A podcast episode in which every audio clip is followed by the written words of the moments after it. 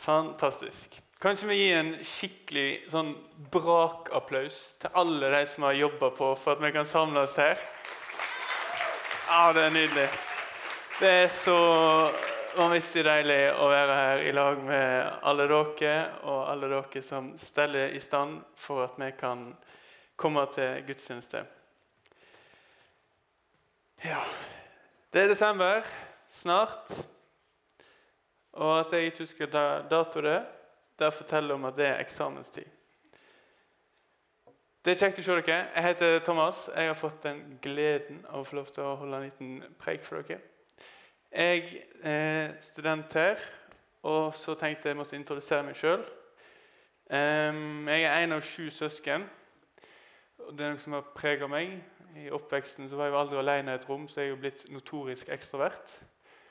Og meg og Karoline hadde flytta inn i en leilighet i Bergen og strevd og endelig fått den der svære, blytunge senga opp.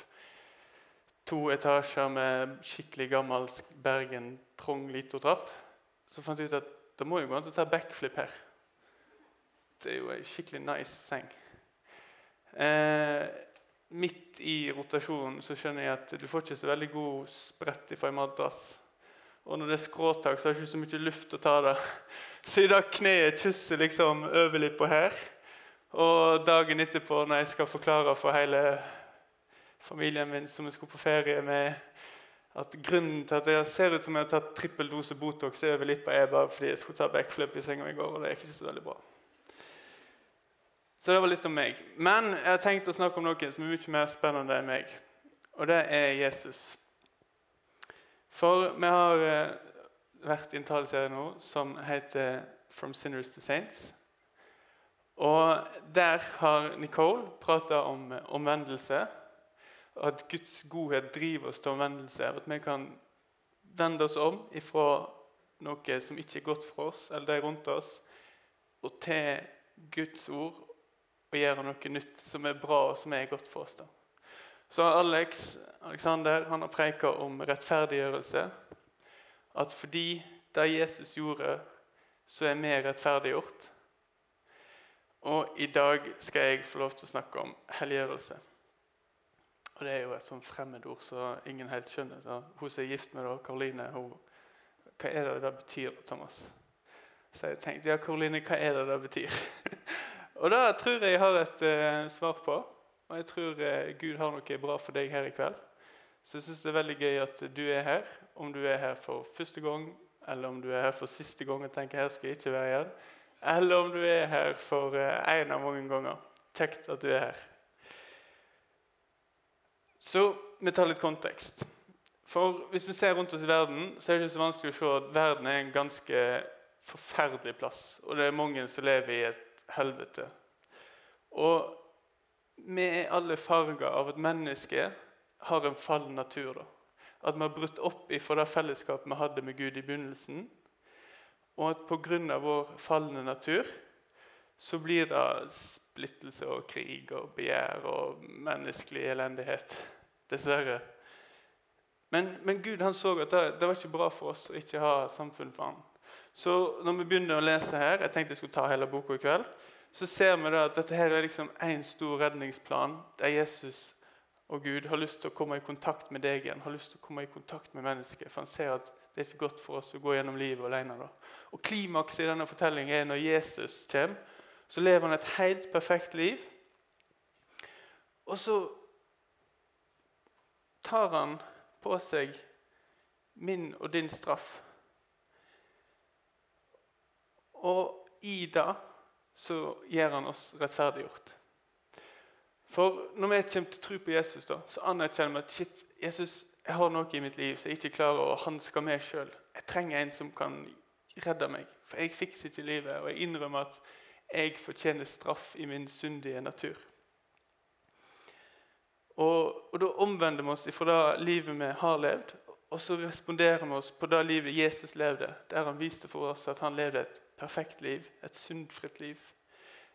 Men så velger Gud, Jesus, å ta på seg min straff og lide på korset. Selv om han aldri har gjort noe feil. Jeg syns det er drit å ta bosset til andre. liksom. men han dør for mine feil. Og så overvinner han døden, står opp igjen og sitter i himmelriket. Og bevise at jeg er allmektig, og jeg har runda alt. Jeg naila døden, og jeg naila livet, og jeg sto opp igjen, og jeg er allmektig. Og gjennom det da, at Jesus dør på korset, så er vi blitt rettferdiggjort. Det var det som Alex preika om.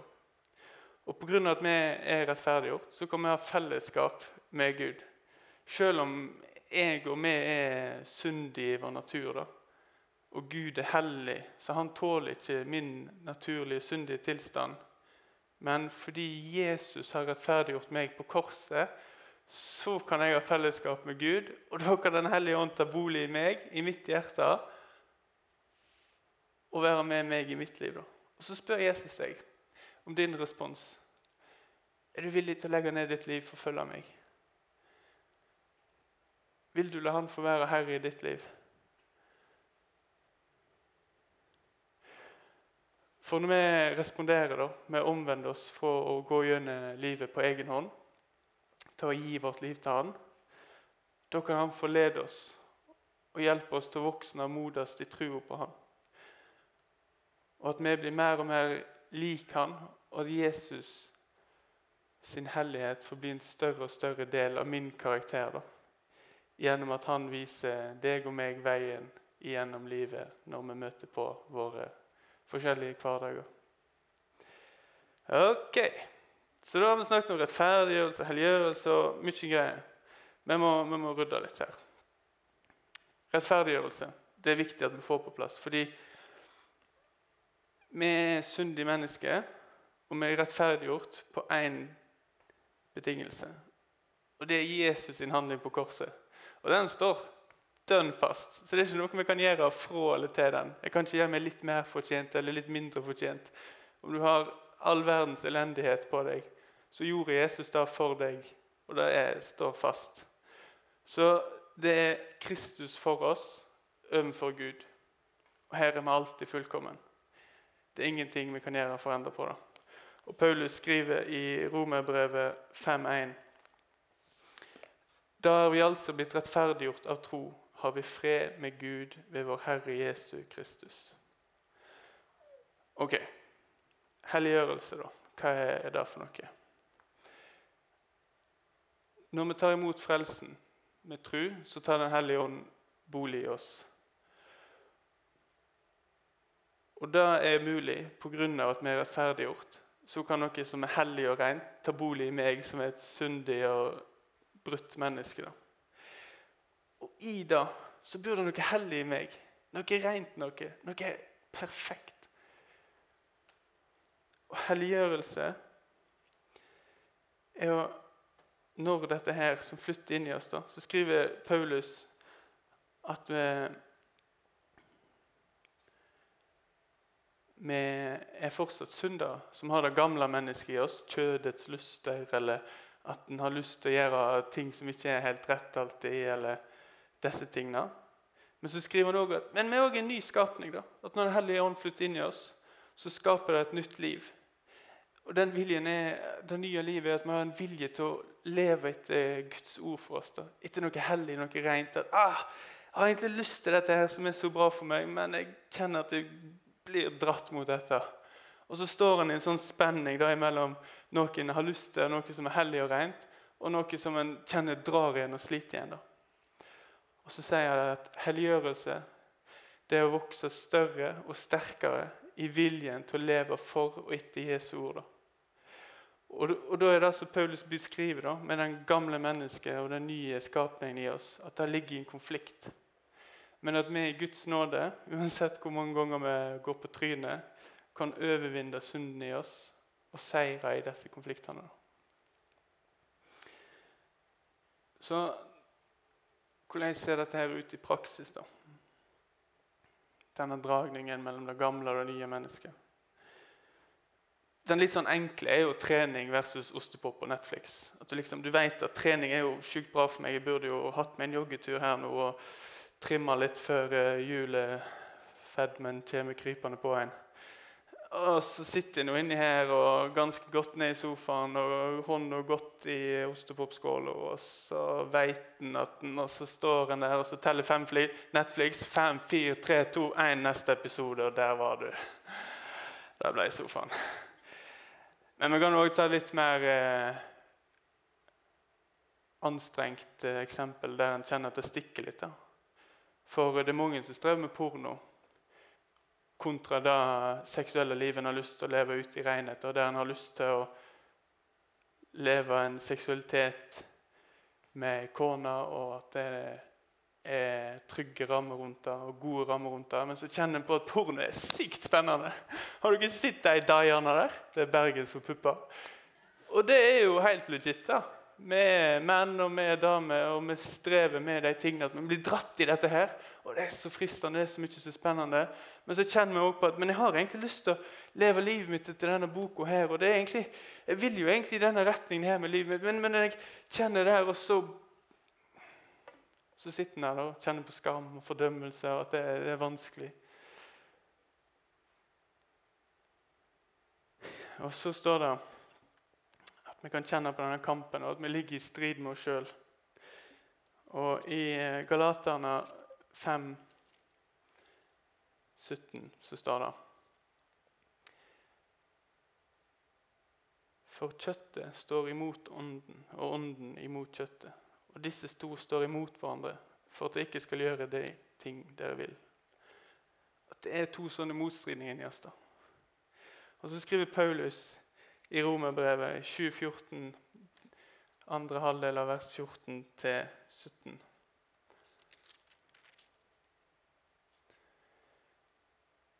Men jeg er menneskelig, solgt under synden. For det jeg gjør, forstår jeg ikke. For det jeg vil, det gjør jeg ikke. Men det jeg hater, det gjør jeg. Hvis jeg, det, hvis jeg da gjør det jeg ikke vil, samtykker jeg med at loven samtykker jeg med loven i at den er god. Men nå er det ikke lenger jeg som gjør det, men synden som bor i meg.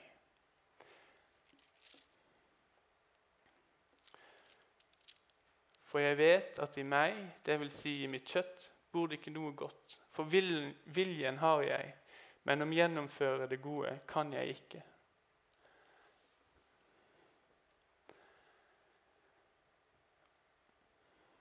Og Det er en kamp i vårt indre om å gjøre det som oppleves som godt og bibelsk godt for meg, og det som drar i meg og frister meg og sliter i meg. Så, så vet vi at vi blir jo farga av de vi er rundt. Vi blir lik de vi er rundt. Og Jesus han ønsker å være rundt deg. Jesus han ønsker å ta del i ditt liv. Han ønsker å ha relasjon til deg da, og farge, farge deg og ditt liv. Og Da kan vi få vokse i likhet til Han. Og Når Han ønsker å være herre i ditt liv og lede deg gjennom livet ditt, og i møte med alle disse kampene vi kjenner på, for vi kommer alle garantert til å få vår dose med smerte og sorg og utfordringer i dette livet. Og jeg tror det er trygt å si at du kommer til å møte på flere livskriser i framtida di. Sorry to break it to you. Men Amen, halleluja. Det er gode nyheter. For jeg tror at vi som kristne har en helt latterlig urettferdig bra fordel i Jesus. da. For um, at han har lyst til å lede oss gjennom det. Så Paulus, samme fyren som skriver disse ordene, han skriver at vi vet at alle ting virker, til, virker, sammen til det gode for den som elsker Gud, for den som er kalt til hans rådslutning. At Gud kan ta våre utfordringer og vonde erfaringer og gjøre noe godt ut av det. For gjennom våre vanskeligheter så kan vi bli kjent med hvem det er vi tror på, og hans karakter. Og Når en leser dette her som står i romerbrevet, så er det helt fantastisk å bli kjent med den Guden vi tror på. da. For vi, vi dømmer oss, men Gud han har nåde på nytt og på nytt. Og Det er så trosstyrkende å lese og høre fortellinger om mennesker som har gått gjennom så, så drøye ting. Og du tenker at det er helt uutholdelig, det de har gått gjennom. Og så tenker du at du har i hvert fall ikke beholdt trua i det der. Men så virker det som det skjer noe helt omvendt. da. For de har ikke bare beholdt trua, men det virker som de har blitt styrka i trua på han. da. Og Det er det jeg har, litt uh, lyst til å snakke om i kveld. da, At vi kan, at vi kan bli styrka i møte med våre utfordringer, i møte med de kampene vi kjenner i, hva det måtte være. Så kan vi bli styrka i tro gjennom helliggjørelsen. Og at eh, Jeg har blitt litt lei meg av og til når jeg har hørt kristne fortelle om sin tro, og så, og så, så ber de og så ber de bønnene, og så forteller de om troslivet sitt som om Gud er så stor. Og så og så ber han liksom at ja, Gud, må du passe på meg, og så må du komme i morgen klokka to og hjelpe meg da. Så må du huske på avtalen min. Og så er det sånn, time out. Er ikke Gud allmektig? Vet han ikke alt dette? Er ikke Gud alle steds nærværende? Er han ikke med meg? Handler det ikke om at jeg så tviler på at er du med meg i morgen på eksamen, Gud? Og vi ber. Og så handler det mer om meg enn om Guds karakter. Og så avslører det egentlig at jeg kan ikke så mye om Gud. Jeg sier jeg tror på han, men jeg kjenner han egentlig ikke. For Bibelen viser oss at helliggjørelse da, det skaper et rikt og godt liv i oss. Så I første Tessalonika-brev skriver Paulus til en menighet i Tessalonika for å oppmuntre de som er nylig kommet til troen. De opplever at de har eh, lidelse og motstand og forstår seg ikke helt på dette her. Og opplever at Paulus stakk ifra dem, men de hadde fortsatt mange problemer å finne ut av. det. Og I brevet, da, kapittel 4, så eh, skriver Paulus om viktigheten der om å leve i et rent liv i helliggjørelse.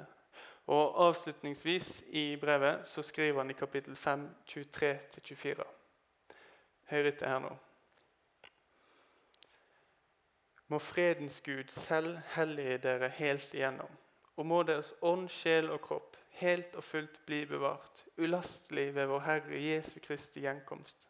Han som kaller dere, er trofast, og han skal også gjøre det.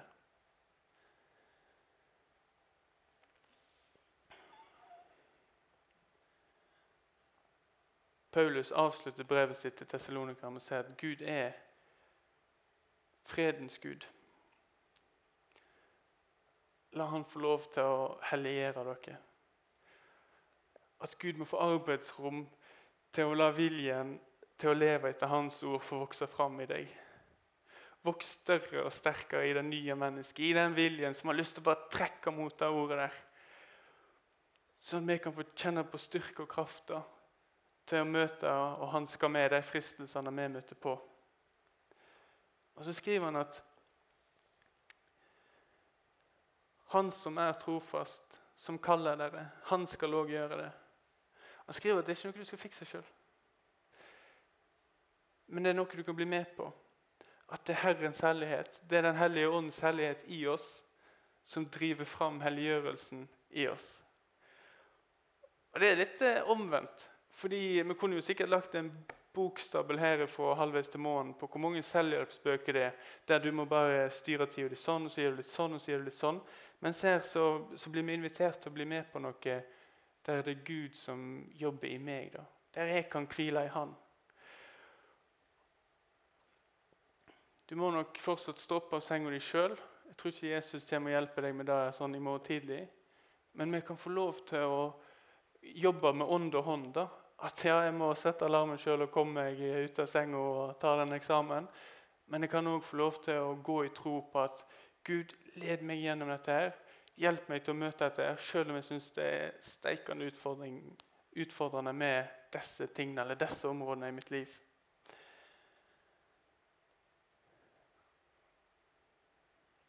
Så står det at eh, det er godt for vår ånd, sjel og legeme. Jeg husker det var ei som, eh, som jeg var med, som fikk ta et oppgjør med diverse ting i livet sitt. Og Jeg husker at hun fikk et nytt ansiktsuttrykk. Hun hadde liksom hatt litt sånn trykk av panna. og Blikket hennes det var noe nyttig. Så, så er en vant til å høre om helbredelse, kanskje. At en knekt fot blir helbredet av bein igjen. Men det er òg noe helt alminnelig som kan skje at en venn kan få et nytt ansiktsuttrykk fordi de har fått tatt oppgjør med noe som har ligget tunga di i, i 10-15 år. Og så til slutt så leser vi at han er trofast. Og det er Gud. Det er en del av hans karakter. Og det syns jeg er litt lættis. Fordi Det er så rart å forstå seg på at Gud er trofast. Det er bare noe han er. Så Han, han har bare alltid vært sånn. Han, det, det, er ikke noe å snakke om. liksom. Sånn er han. Så når det står at eh, 'Han er trofast som kaller dere', 'Han skal òg gjøre det', så kan vi finne hvile i det. da. For det er en del av hans karakter. Det er bare sånn han er. Kommer du til han, søker du han, ja, så finner du han. Fordi sånn er han, og han har ingen skiftende skygge. og Sånn har han vært ifra nå, og sånn skal han være til evig tid.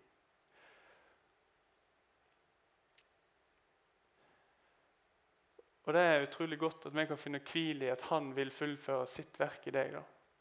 At Når du tar dine ting til han, så kan du være trygg på at eh, han bærer deg igjennom, og han er med deg igjennom. Så når du kjenner deg fattig i ditt trosliv, eller i området av ditt liv, så kan du få lov til å ta del i Guds helliggjørende prosess. I dine utfordringer så kan du velge å få la Jesus slippe til med sin helliggjørelse. Og Da kan du få vokse inn i helliggjørelsen, sånn at du kan leve et rikt og godt liv uansett hva livet måtte sende din vei.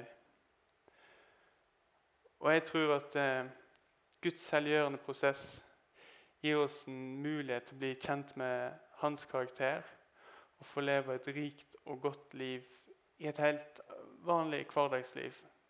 Mens en tar bussen på vei til jobb, mens en er på besøk. Og så tror jeg at det gjør noe med oss. da. Jeg tror vi kan bli en, eh, et ganske ekstremt fellesskap. Det hørtes ikke bra ut. Jeg tror vi kan bli et fellesskap som er utrolig prega av at vi er en gjeng som ikke bare sier at vi tror på noe, men vi har opplevd at det vi tror på, er sant. Vi har opplevd at jeg trengte ikke streve for å få til det, men, men jeg trengte kanskje å omvende meg for et par ting og så liksom be Gud komme ned og hjelpe meg på en annen måte enn det jeg har gjort tidligere.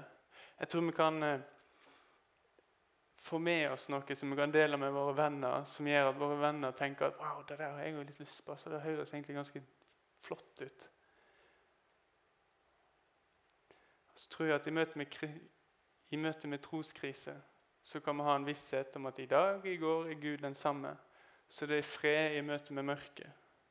Og når vi ikke vet hva vi skal gjøre, så kan vi minne oss sjøl på og få hjelp av de vi har rundt oss, til å minne oss på at eh, Gud, han vet alt. Så jeg kan finne fred i usikkerheten i at Gud vet at han har kontrollen. Et liv i helliggjørelse er et rikt og godt liv. Så søker søke Gud i møte med livets utfordrende sider og vokse i helliggjørelse, det tror jeg er det beste livet for oss. Til slutt har jeg lyst til å be bønn for dere. Så etterpå så, så er det òg eh, noen som har lyst til å be for dere hvis du ønsker. Og det er at eh, vi har forbønn her bak. Så hvis du har lyst til å komme bak og lyst til at noen skal be for noe spesifikt, eller be en velsignelsesbønn over deg, eller hva det måtte være, så har jeg lyst til å utfordre deg på, på å ta den muligheten. Så er vi jo i Norge, så vi kjenner jo på menneskefrykt, og vi skal ikke stikke oss ut og sånn. Men eh, gi litt blank i det, og så gir du helt blank i det. Og så gjør du det for din egen del. Jeg tror Gud har noe for deg, og det er noe jeg unner deg. Kjære Gud, jeg takker deg for ditt ord til oss. Jeg ber om at det må bli levende for oss, og noe vi kan vokse inn i, og noe som eh, du kan eh, bruke til å forme oss.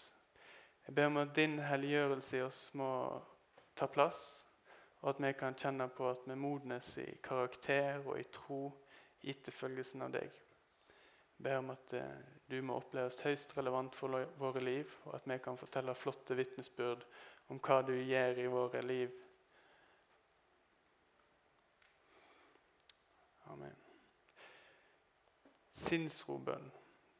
Gud, gi meg slik sinnsro til å akseptere de ting jeg ikke kan forandre mot til å forandre de ting jeg kan, og forstand til å se forskjell. Leve en dag om gangen, nyte ett øyeblikk om gangen. Akseptere vanskeligheter som en sti til fred. Ta, som Jesus gjorde, denne syndige verden som den er, ikke som jeg ønsker den skal være. Stole på at du, Gud, vil gjøre alle ting rett hvis jeg overgir meg til din vilje, slik at jeg kan bli rimelig lykkelig i dette livet og fullkomment lykkelig sammen med deg i evigheten. Amen.